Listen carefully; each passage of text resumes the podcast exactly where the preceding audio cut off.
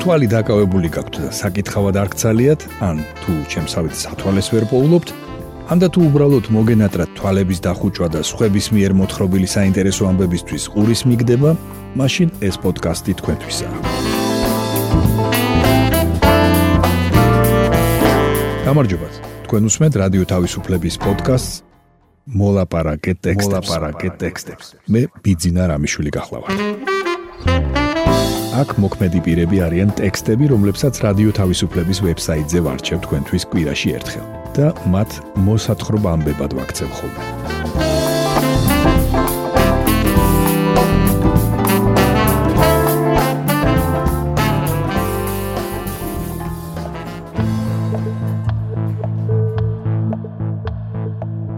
მოგიყვებით სტალინურ დეპორტაციებზე. როგორ გადაასახლეს საქართველოსდან 100.000-მდე ადამიანი. ვისაუბრებთ რუსეთის ნახევრად გასაიდუმლოებულ ქვედანაყოფზე შტორმ გლადიატორზე.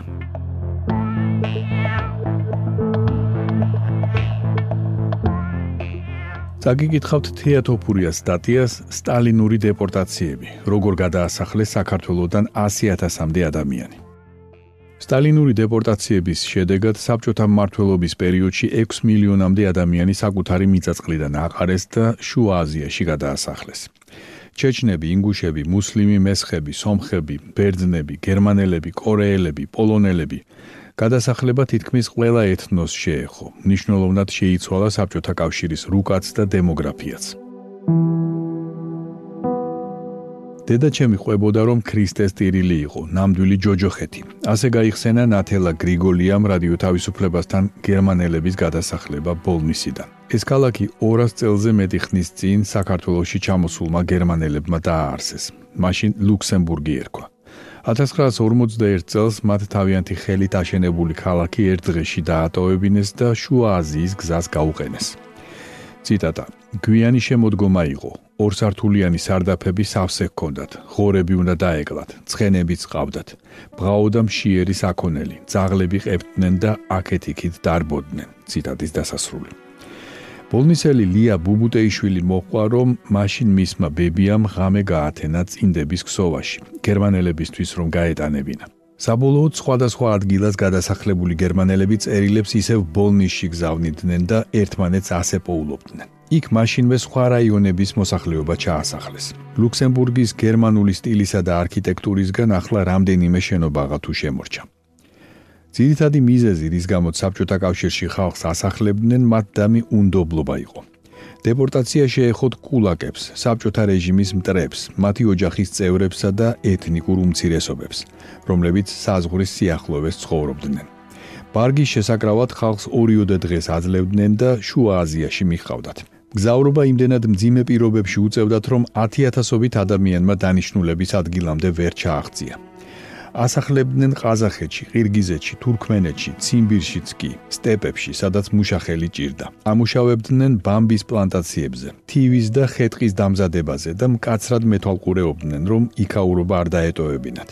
მათ სახლებში კი, საიდანაც ორი ხელი ტანსაცმლის მეტი ვერაფერი წაიღეს, მაღალმთიანი რეგიონებიდან ძირითადად კოლმეურნეები შეესახლეს. საბჭოთა წარსულის მკვლევარი ირაკლი ხვადაგიანი ყვება, რომ საბჭოთა კავშირის პერიოდში დეპორტაციების რამდენიმე ტალღა იყო. გადასახლებები სტალინის ინიციატივით ჯერ კიდევ 20-იანი წლების ბოლოს პასპორტიზაციასთან ერთად დაიწყო. ვინც ქალაქში ჩაწერილი არ იყო, ქალაქგარეთ აძევებდნენ, ან საერთოდ აპატიმრებდნენ. აპატიმრებდნენ და ასახლებდნენ იმათაც, ვინც სოფლებში კოლექტივიზაციას ეწინააღმდეგებოდა, ასობით 1000 ადამიანს. გადასახლებების მეორე ტალღა მეორე მსოფლიო ომამდე დაიწყო და ომის დროსაც გაგრძელდა. კორეელები, პოლონელები, ირანელები ასახლებდნენ ყველას, ვისაც რეჟიმი არენდობოდა. ციტატა: ომის დროს უკვე გერმანელების დეპორტაცია იწყება, თან თელ საბჭოთა კავშირში. მათ ვოლგისპირეთში თავიანთი ავტონომიაც კი ჰქონდათ. ისინიც გადაასახლეს. აზერბაიჯანში მცხოვრები გერმანელებიც და საქართველოში მცხოვრებიც, ყვება ირაკლი ხვადაგიანი. 40-იან წლებში გადაასახლეს ყირიმელი თათრები. ფორმალურად საბაბი თითქოს და იყო მათი კოლაბორაცია ნაცისტურ რეჟიმთან. იგივე საბაბი შემდეგ თურქული ენების ოჯახის წარმომადგენელ სხვა ხალხებთანაც გამოიყენეს. ყარაჩაელებთან, ბალყარელებთან, ჩეჩნებთან, ინგუშებთან და თურქმესხებთან. ინგუშები და ჩეჩნები 48 საათის განმავლობაში სრულად გაასახლეს. მხოლოდ რამდენიმე ასეული ადამიანი გადარჩა. ისინი, ვინც დღეს შეაფარა თავი. ციტადის დასასრული. დეპორტაციების ისტორიაში განსაკუთრებით სასტიკი ინგუშებისა და ჩეჩნების გადასახლებაა. ამ ორი ერის წარმომადგენლები ისტორიული სამშობლოდან მთლიანად აყარეს. ციტატა 1944 წელს ინგუშებმა ერად წოდების უფლება დაკარგეს.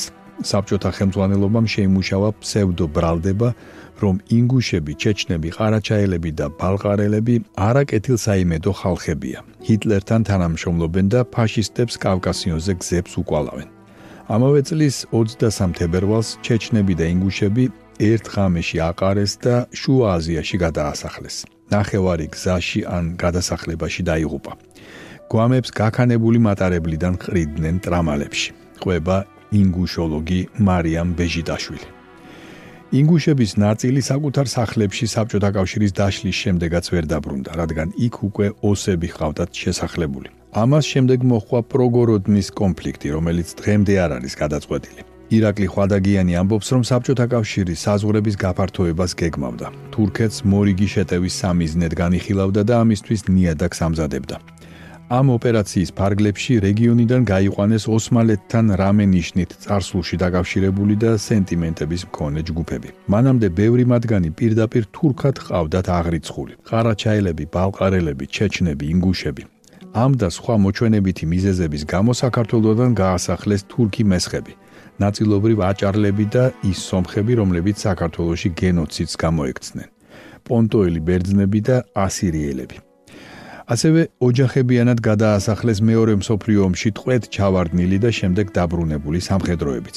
ანტონ ვაჭარაძე ინფორმაციის თავისუფლების განვითარების ინსტიტუტის IDFI-ს მეხსიერებისა და დეзинფორმაციის კვლევების მიმართულების ხელმძღვანელი თავის სტატიაში წერს, რომ საბჭოთა კავშირის შინსახკომმა გამოსცა ბრძანება 1176 რომელიც ითვალისწინებდა საქართველოს საბჭოთა რესპუბლიკის ტერიტორიაზე მცხოვრები თურქების, ქურთებისა და ჰემშინების, იგივე მუსლიმი სომხები გადასახლებას.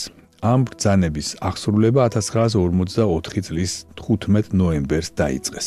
იოსებ სტალინის მიერ ხელმოწერილი 1944 წლის 31 ივლისის თავდაცვის სახელმწიფო კომიტეტის ნომერი 6279 CC დადგენილების თანახმად ცენტრალური აზიის ქვეყნებში გადასახლებას დაექვემდებარა სამხრეთ საქართველოს 200 სოფლის მცხოვრები 86000 ადამიანი. მათ გადასასახლებლად მობილიზებული იყო 20000 ჯარისკაცი 4000 ოპერმუშაკი და 900 სატვირთო ავტომობილი ლავრენტი ბერიას შემაჯამებელი ტელეგრამის მიხედვით სულ გადაასახლეს 91095 ადამიანი. ასევე 41000 სამხედრო, რომლებიც მეორე მსოფლიო ომში წინა ხაზზე იბრძოდნენ. მე წაგიკითხეთ თეატოფურიას სტატია სტალინური დეპორტაციები, როგორ გადაასახლეს საქართველოსდან 100000-მდე ადამიანი.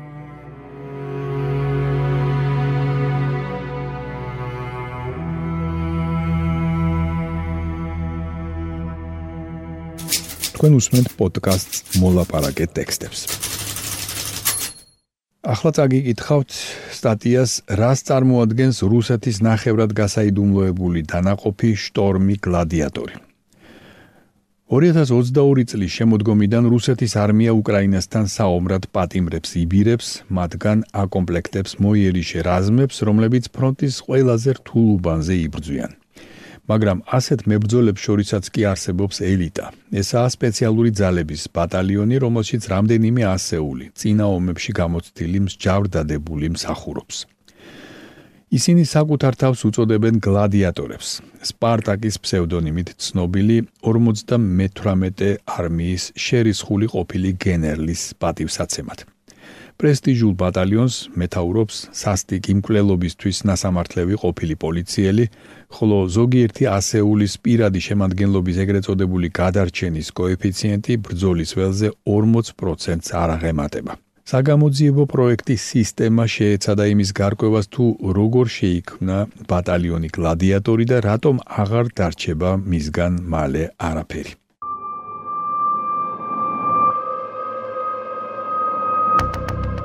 ციტატა ღამემშვიდობისა, ჩემო საყვარელო გლადიატორებო, საყვარლებო, ნათესავებო, საერთო ოჯახო, ციტატის დასასრული. ამ სიტყვებით იწყება 2023 წლის ივლისში გამოქვეყნებული ვიდეო, რომელშიც რუსეთის შეერაღებული ძალების სამხრეთის სამხედრო ოლქის 58 საერთო საჯარისო არმიის თანამდებობიდან გადაყენებული მეტაური გენერალ-მაიორი ივან პოპოვი ფსევდონიმი სპარტაკი თავის მეომრებს 58 არმიის სამხედრო მოსამსახურეებს მიმართავს. პოპოვი 7 ტონით ყვება, რომ ის მეტაურობიდან დაითხოვეს მას შემდეგ, რაც პრეტენზია წაუყენა რუსეთის არმიის ხელმძღვანელობას. მან დააყენა საკითხთა წერე, რომლებიც მისი აზრით აუცილებელ გადაჭრას მოითხოვდა. ომის შემსწავლელი ამერიკული ინსტიტუტის თანახმად პოპოვს რისხვა დაატყდა რუსეთის შეიარაღებული ძალების გენერალური შტაბის ხელმძღვანელის გენერალ ვალერი გერასიმოვის სახელზე დაწერილი პატაკის გამო, რომელშიც იგი ბრძოლის ველზე მყოფი ჯარისკაცების როტაციას ითხოვდა. სულ მალე გენერალი პოპოვი სირიაში ერთ-ერთ ხელმძღვანელად გაგზავნეს. პოპოვის მონოლოგის შემთხვევით როდი იწყება გლადიატორებისადმი მიმართვით.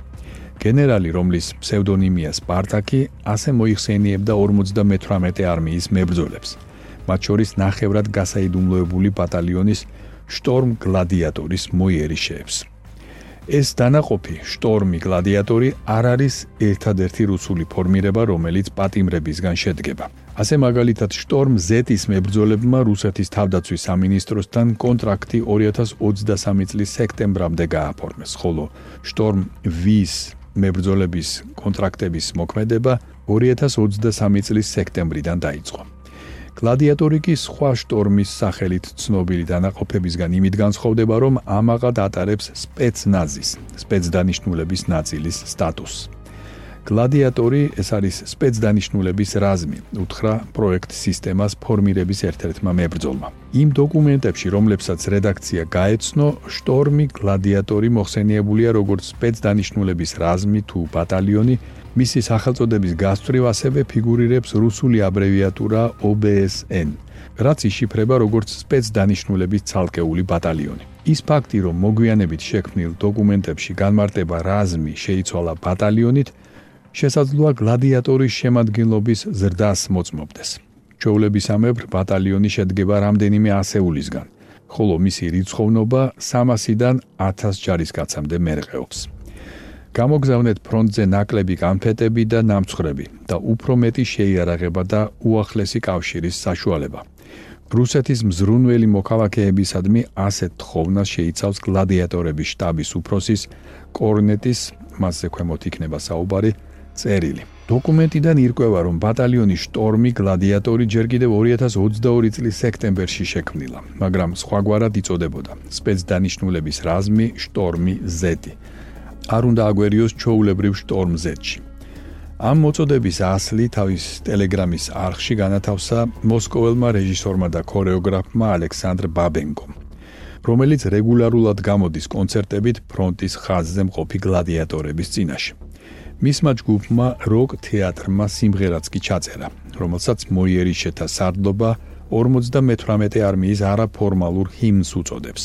ჩვენ მივიწევთ წინ, როგორც ქარიშხალი, შემდეგ კი სინათლით აივსება ჩვენი სახლი. დავამარცხებთ სიბნელეს ჯოჯოხეთის გავლით. უკან გზა მოჭრილი გვაქვს. შტორმი მიიწევს წინ. ციტადის დასასრული. 2023 წლის შემოდგომისთვის მისი შექმნიდან 1 წლის შემდეგ სპეციალური ძალების დანაყოფს შტორმ Z ოფიციალურად გადაერქვა სახელი და შტორმი გლადიატორი ეწოდა. და თითქმის მაშინვე 18 სექტემბერს გლადიატორების რიგებში რეზონანსული ამბავი მოხდა. ორმაგი მკვლელობა. ტელეგრამის არხ ასტრას ცნობით ზაპოროჟიეს რეგიონის ოკუპირებულ ნაწილში ერთ-ერთი ასეულის მეტაურმა და მისმა მოადგილემ თავიანთი ორი ქვეშევრდომი დახვრიტეს. კიდევ ერთი ტელეგრამის არხის ვერსიით მკვლელობა ჩადენილი იყო იმ ფულისთვის, რომელსაც მზრუნველი რუსები რაზმს წირავენ. 2023 წლის შემოდგომაზე რუსეთის არმიამ დაიწყო მასშტაბური შეტევა ფრონტის ერთბაშად რამდენიმე მიმართულებაზე. ამაში მნიშვნელოვანი წვლილი შეიტანა პატიმართა რაზმებისგან შემდგარმა შტორმმა, მათ შორის ელიტურმა ბატალიონმა გლადიატორმა, რომელშიც მებრძოლებს შემდეგნაირად არჩევენ. ციტატა. თავდაპირველად კონტრაქტის ხელმოწერის შემდეგ ჩვენ მსჯავრდადებულებს გვავარჯიშებდნენ შტორმ Z-ში. შემდეგ კი ჩვენთან მოვიდნენ და ქვედანაყოფ გლადიატორში წაგვიყვანეს. იქ ყველა ჩვენგანი გამოსასწორებელი კოლონიიდან ვიყავით. უთხრა სისტემას ერთ-ერთმა ყოფილმა მოიერიშემ. გლადიატორში მოხდრის ასეთ სქემაზე საუბრობს რუსი სამხედრო ტყვე დმიტრი კნაევი იმ ვიდეოში, რომელიც ტელეგრამის არხებმა გაავრცელეს. გლადიატორში პირველ ყოვლისა კარგ ფიზიკურ ფორმაში მყოფი ძალოვან და სამხედრო სტრუქტურებში მუშაობის გამოცდილების მქონე ადამიანების და ასევე საბძოლო მოქმედებების ძირითადად 1990-იან წლებში ჩეჩნეთში მონაწილე ვეტერანების ჩარიცხვას ცდილობენ. უთხრა სისტემას რამდენიმე ანონიმურმა წყარომ, რომლებიც კარგად იცნობენ შტორმ გლადიატორის პირად შემადგენლობას. წყაროების თანახმად სასწავლო პოლიგონზე გლადიატორებს გამოცდილი ინსტრუქტორები, მათ შორის ყოფილი ვაგნერელები და ჩეჩნურ დანაყოფ ახმატის მებრძოლები ავარჯიშებენ. ცდილობენ რომ ბატალიონში არ მოხვდნენ ცოლიანი მამაკაცები. შესაბამისად, პირადი შემადგენლობის უმრავლესობა ან უცოლოა, ან დაურეგისტრირებელ ქორწინებაში იმყოფება. შტორმ გლადიატორის მებრძოლებისადმი მოთხოვნები პრაქტიკულად სიტყვა-სიტყვით იმეორებს იმ პარამეტრებს, რომლითაც პირველი მსოფლიო ომის დროს მოიერიშეების შერჩევისას ხელმძღვანელობდა გერმანიის სარდლობა. ჯარისკაცი არ უნდა ყოფილიყო 25 წელზე მეტი ასაკის, უნდა ყოფილიყო ფიზიკურად და ფსიქოლოგიურად ამტანი, ათლეტური აღნაგობის და არ უნდა ხოლოდა ცოლი. ამბობს საგამოძიებო ჯგუფ Conflict Intelligence Team-ის ექსპერტი რუსლან ლევიევი. მაგრამ ისი თქმით, რუსეთის ციხეები არ გამოირჩევიან კარგი კვებითა და განვითარებული სპორტ დარბაზებით. რის გამოც ისეთი მსჯავრდადებულებიც კი, ვინც გარეთ მშვენიერ ფიზიკურ ფორმაში იმყოფებოდა, ციხეში ძალიან სწრაფად კარგავდა პირვანდელ ფორმას. რაც შეეხება ანაზღაურებას, ელიტურ ბატალიონ შტორმ გლადიატორში ყოველთვიური ხელფასი არ განსხვავდება იმისგან, რასაც ბრძოლის ველზე მოქმედ სხვა დანაყოფებში მყოფი ყოფილი პატიმრები იღებენ.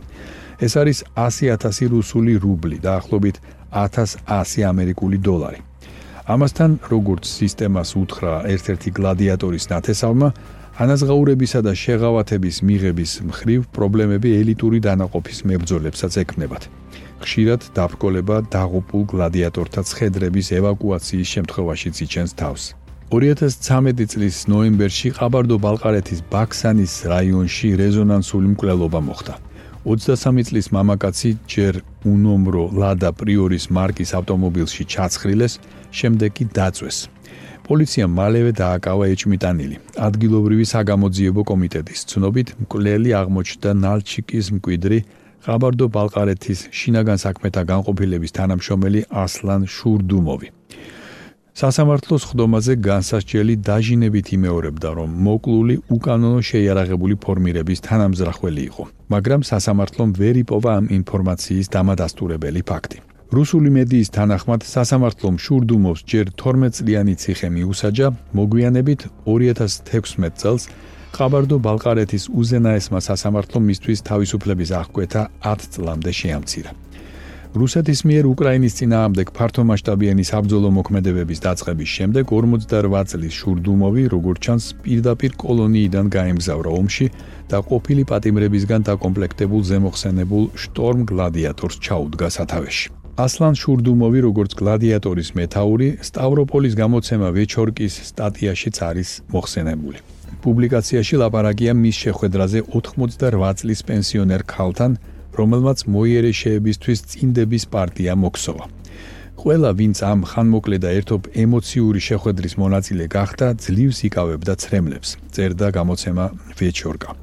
შურდუმოვის სამხედრო წოდებაა პოლკოვნიკი. შტორმ გლადიატორის штаბის უფროსია ოფიცერი მეცახელად კორნეტი. როგორც სისტემამ შეიტყო, კორნეტის ნამდვილი სახელია ვლადისლავ ოლენსკი, ყოფილი ადვოკატი, რომელსაც ქრთამის აღების ბრალდებით 2019 წელს 12 წლით პატიმრობა მიესაჯა. საადვოკატო საქმიანობის დაწყებამდე ოლენსკი პროფესიონალი სამხედრო იყო. მას დამთავრებული აქვს პენზის უმაღლესი საარტილერიო საინჟინრო სასწავლებელი. მიენიჭა ლეიტენანტის წოდება და მსახურობდა სადესანტო საპარაშუტო პოლკში. როგორც სისტემამ დაადგინა, გლადიატორში ვლადისლავ ოლენსკი უკვე მაიორის რანგში მსახურობს და შტაბის უფროსის თანამდებობა უკავია. მას შემდეგ, რაც 58 არმიის სარდალს გენერალ ივან პოპოვს, სპარტაკს სამხედრო უწყების ხელმძღვანელობის რისხვა დაატყდა თავს და 2023 წლის ივლისში ჩამოაშორეს არმიას, რომლის შემადგენლობაში შედის შტორმი გლადიატორი, პოპოვი ამ პოსტზე 44 წლის გენერალ-ლეიტენანტმა დენის ლიამინმა შეცვალა. სისტემა მოახერხა გასცნობოდა დოკუმენტს, რომელშიც სამხედრო უწყების მიერ პატიმრებისგან დაკომპლექტებული მოიერიშე ქვედანაყოფების შექმნის კონცეფციაა ჩამოყალიბებული. დოკუმენტში, რომელიც 2023 წლის თებერვლით არის დათარიღებული, თავდაცვის სამინისტროს მიერ მსჯავრდადებულების სტატუსი განისაზღვრა როგორც საზარბაზნე ხორცი. 2024 წლის იანვრის შუა რიცხვებში მედია ზონისა და BBC-ს ჟურნალისტებმა შეძლეს უკრაინაში საომრად გადაბირებული 7800-ზე მეტი პატიმრის დაღუპვის დადასტურება. სწორედ ყოფილი პატიმრებისგან შემდგარი მოიერიშე ბატალიონები გამოიყენება მოწინააღმდეგის პოზიციის ნებისმიერ ფასად დაკავების სასტიკ იერიშში. რომელშიც მებრძოლის გადარჩენის შანსი ძალიან დაბალია. პატიმრები და მათი ნათესავები აწყდებიან ბევრ პრობლემას. რომელთა გადაწყვეტას არ ჩქარობს სახელმწიფო. პატიმრებმა ვლადიმირ პუტინის პრეზიდენტის თქმით, სისხლით უნდა გამოისყიდონ დანაშაული. ამას გარდა ექსპერტები საუბრობენ მთლიანად რუსეთის საზოგადოების უსაფრთხოების მხრივ არსებულ მზარდ პრობლემაზე. ციტატა: პატიმრები საჭიროებენ რესოციალიზაციას, ფსიქოლოგიურ დახმარებას, მიიჩნევს უფლებადამცველ პროექტ რუს CGHS დამფუძნებელი ოლგა რომანოვა. რუსეთის სახელმწიფო ჩინს უშვებს ბოთლიდან, რაც ბევრ შეკითხვას წარმოშობს უსაფრთხოებაზე საზოგადოების უფლების კუთხით. ფიდრე მკვლელობისა თუ შეერაღებული ძარცვისთვის მსჯავრდადებულებს გავათავისუფლებდეთ, ან ფრონტზე გავგზავნიდეთ, მათ მკურნალობა უნდა გაიარონ, გახდნენ ნორმალური საზოგადოებისთვის უსაფრთხო ადამიანები, ამბობს ოლგა რომანოვა. გასული წლის ნოემბერში გამოცემა სააგენტომ გამოაქვეყნა ანგარიში, რომლის თანახმად რუსეთის პრეზიდენტმა ვლადიმირ პუტინმა 2022 და 2023 წლებში რუსეთში მკვლელობისთვის ნასამართლების სულ მცირე 17 ადამიანი შეიწყალა. ყველა მათგანი მონაწილეობდა უკრაინის ომში და ფრონტიდან გათავისუფლებული დაბრუნდა. მათგან ზოგიერთმა შემდეგ ახალი დანაშაული ჩაიდინა. მე წაგიკითხეთ სტატია, რას წარმოადგენს რუსეთის ნახევრად გასაიდუმლოებული დანაყოფი შტორმი გლადიატორი.